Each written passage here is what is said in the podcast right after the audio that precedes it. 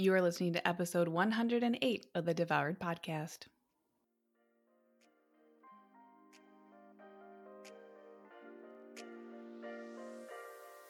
Welcome to Devoured, the podcast for women ready to release the title of Dieter for Good.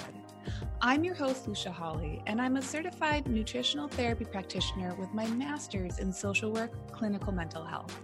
I've lost 80 pounds and I'm on a mission to get you into the life of your dreams without being the woman who is consumed by diet after diet trying to get there.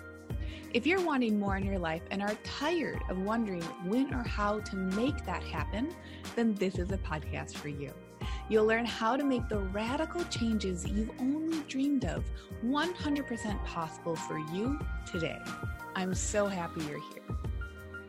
The information provided within this podcast is intended as general education only and is not to be considered a substitute for professional medical advice, diagnosis, or treatment. Okay, party people.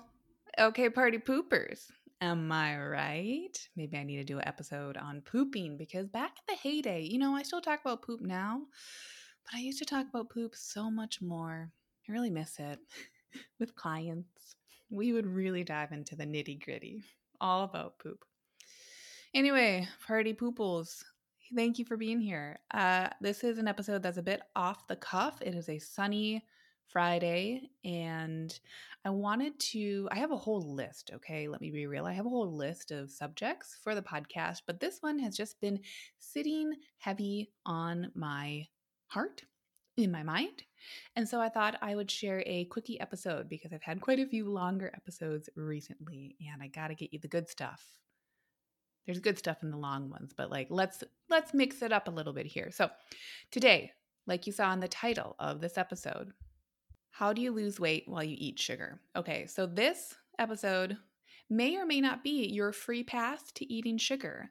And if it feels like a free pass to eating sugar, I want you to get really curious about why you feel like you need permission from someone, whether you know me or not personally, or we've worked together in some capacity, or you're a random stranger, but you like to listen to the show. And thank you, each and every one of you who's on here doing just so.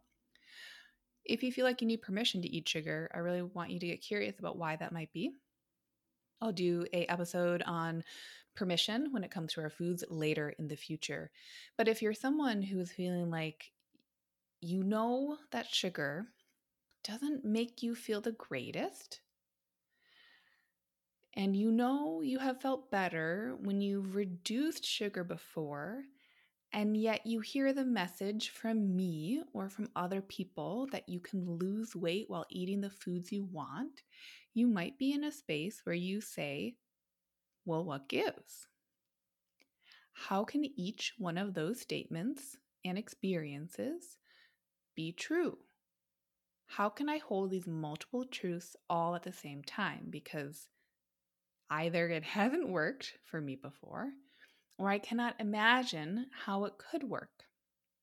So I want to give you the down and dirty, the quick ditty of how to eat sugar and lose weight.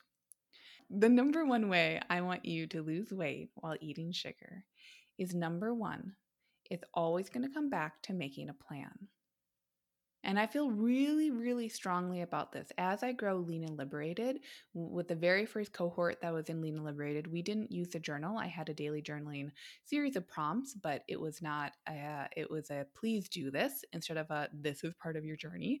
And as I've grown the course, what I really realized pretty quickly is that people aren't really drawn to journaling until you have them consistently show up to it, and then they can start to see OMG, not only was my active journaling making a difference in my weight loss journey, but it's actually reinforcing that weight loss is not just a physical experience, it's an emotional experience with a physical outcome.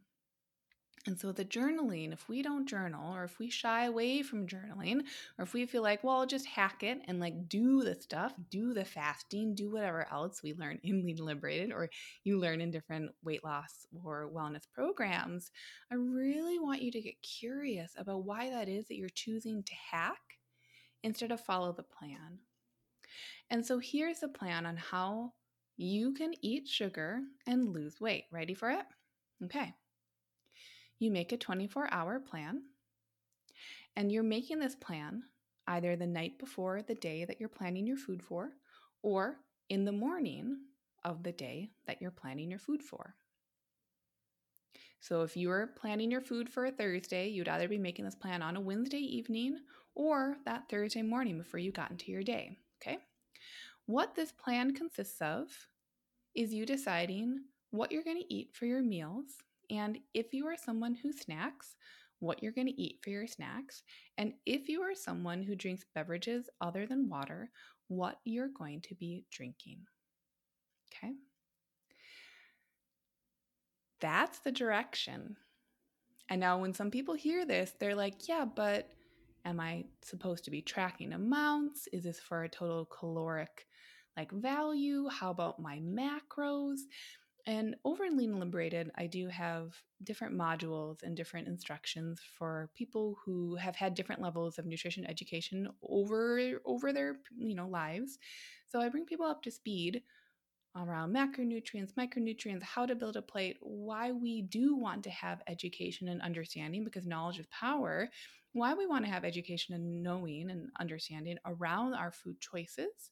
But we also have to understand that we have full autonomy to eat M&Ms and to eat mozzarella and to eat beef and to eat noodles and to eat zucchini, etc., etc., etc. So, when we begin to build our emotional resiliency to fully embody the fact that we can eat whichever foods we want, we couple this with making a plan that isn't the plan of just winging it. And this is what most of us do. When you have a diet, yes, a lot of diets can have meal plans where they're telling you exactly what to eat, which is a subject for a whole other episode. But a lot of diets just give you the frameworks of the good foods and the bad foods. And your job is to eat the good foods, right? Or your job is to eat the total calories or to eat the total macros. And like that's the plan. I flip this with my clients. And what we do is that we begin a fasting routine that they build for themselves based off of the modules in the class. And that changes over time as needed for them individually. And then they get these journals. And the journal has some like mindset stuff in it, of course, it has to. Weight loss is emotional. But the power is in the 24 hour plan. Because when you start to make your food choices for yourself from your frontal lobe, from your prefrontal cortex, from that area that is in your best interest when it comes to losing weight, the foods you're going to pick, and then your desire and ability and self awareness to stick with your plan through that day is where the magic happens. Yes, the magic happens when we dip into ketosis on a daily basis by using fasting in whatever capacity we want to be using it, okay?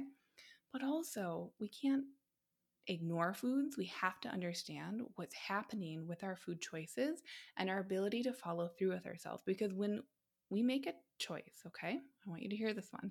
When we make a choice, and that choice is coming from our like our highest good, right? Like the part of our brain that is us taking care of ourselves. It's not rushed, it's not overwhelmed, it's not in a tizzy.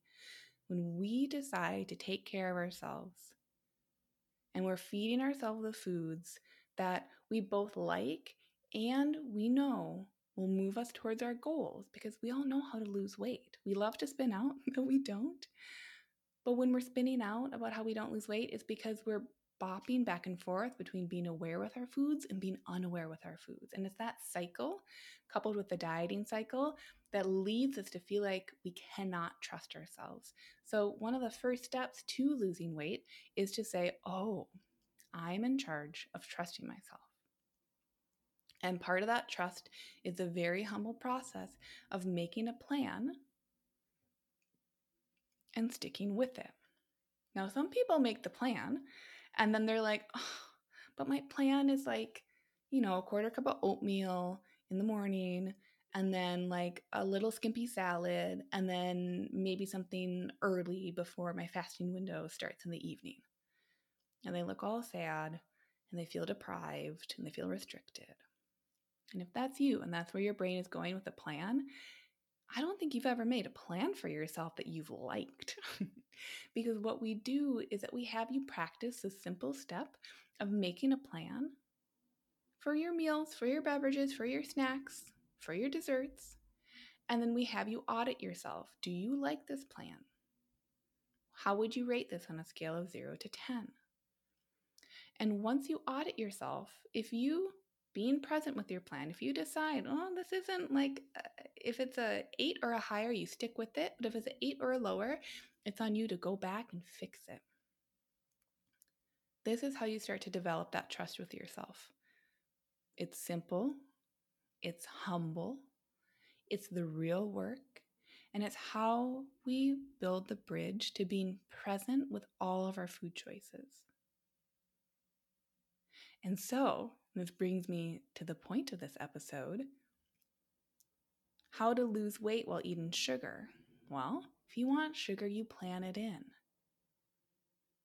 And I'm not saying you plan in one bite of a cookie and, and cross your fingers and hope for the best. And you're coming from a place of eating, you know, maybe half of the batch of cookies and a good portion of the cookie dough while you're making them. No, that would not work on your satisfaction scale when you're looking at your food plan and you're deciding, you know, how likely am I to stick to this? How much do I enjoy this plan? That would drop you to like a two. That plan's bullshit. Don't do it. but if you make a food plan, okay, and you're coming from the place of eating half a dozen cookies and the cookie dough, and I speak from experience, if you're coming from that place, what might be on your food plan is making the choice to eat the cookies intentionally. And so you decide, oh, it's not about eating one bite of a cookie tomorrow. It's about eating the amount of cookies that I would be proud of myself to eat. That will look really different for everyone. Maybe tomorrow it's four cookies, right? Maybe it's that way every single time you eat cookies for a month. Who cares? That's great. If you make the plan and you follow through it, inevitably you will come to a plan that is supporting you through your weight loss because when you are present with each cookie that you're eating, you are going to become satisfied and plug and play there any food, right? Like these can be savory foods, they can be sweet foods, but I find that when people hear like you can eat whatever you want and lose weight, what they what they're moving through are some old emotions based in old stories around the can'ts. Well, I can't have cookies because my thyroid this, my hormones that well, I'm the chubby kid of the family, so I can't eat this. But like when I do, I know I'm being nice to myself, but then I feel overwhelmed or I had a really hard time. Like, yeah, we're all in the pandemic, but this week hit me really hard. So I'm just going to this and that. We put a lot of stories around our food choices. I want us to flip the script by saying, I make my food choices from a place where I'm taking care of myself. And I take care of myself from my frontal lobe, right? Like, the most masterful decisions are made with our frontal lobe. That's what makes us so damn special. So, even if you're not in lean and liberated, even if you don't want to be, great. I give you a lot of tools and tips and tricks on this podcast because I just want y'all to be feeling better. And so, if you've never tried to make a 24 hour plan, I encourage you to do so. It's literally what am I eating for my meals? And then you write it out if you need to get into portions or amounts and that's part of what you're working on, awesome. Then you do that.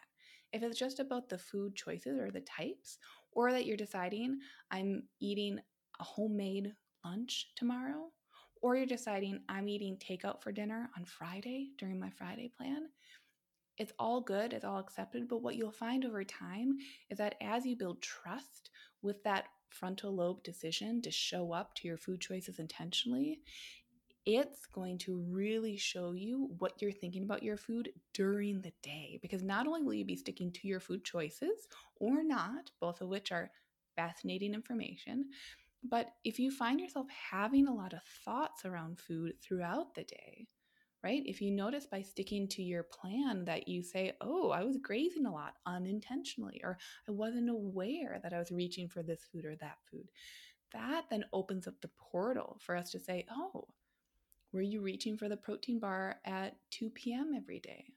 Was it because you got to a certain work task or you're stressed out or the kids were overwhelming or you had been sitting all day and you like wanted a boost of energy?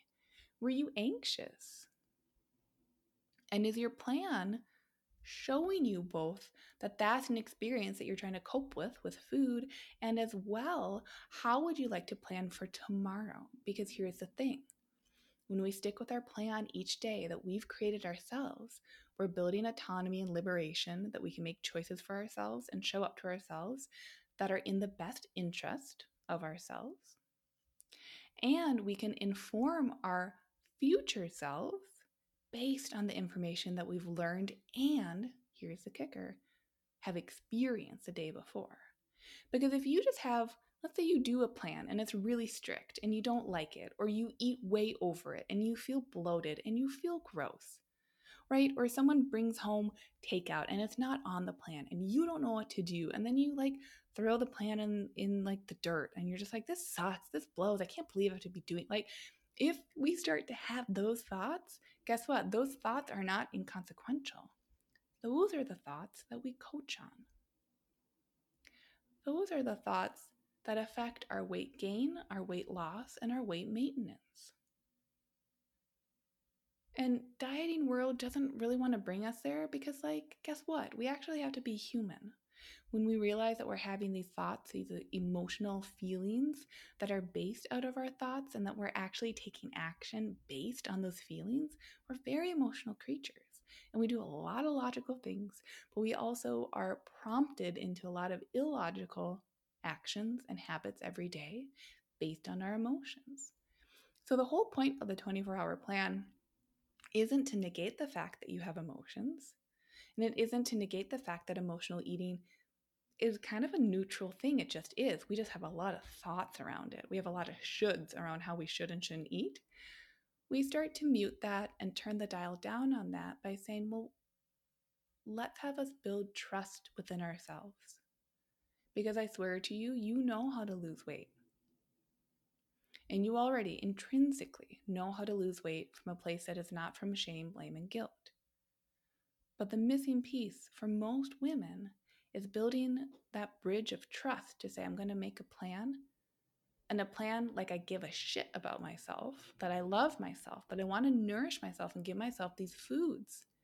And that if I'm going to eat sweet things, or really, I always use chips because those are a food that I've loved historically. The sweets or the hyper palatable foods, the chips, the brownies, what have you, the pop, who cares, whatever it is if I'm going to be eating these foods, I'm going to plan them in so I'm aware and so I love up on my experience with them. I would so much more prefer that you eat like two cupcakes and you're fully aware with them throughout every single bite. You're really enjoying them, you're enjoying the experience of those. I would prefer that as your coach so much more than you deciding that like you're bad because you want a cupcake. And then that taking you down the bunny trail of eating two of them in front of people and then three of them in the kitchen later on. You know what I mean? That experience is really, really common. And you're not alone if you're feeling those feelings right now because it's at the end of the day how many of us cope with stress. And we're still in a very stressful and chronically stressful experience for the most of us. We're in some like chronic stress soup right now. So go ahead, try out the 24 hour plan. I think you'll really love it. And notice any and every thought that comes up and what your brain tells you about sticking to the plan, about making the plan, about following through with the plan, what the uh, about what the plan means to you, about what the plan means about your life. Because what we plan for and what we follow through on is what we get. And so, as you build that trust with yourself, as you begin to show up to your life, being present, aware, and respecting yourself, you will see that you can lose weight while eating sugar. And it's a beautiful thing. I'll see y'all in the next episode.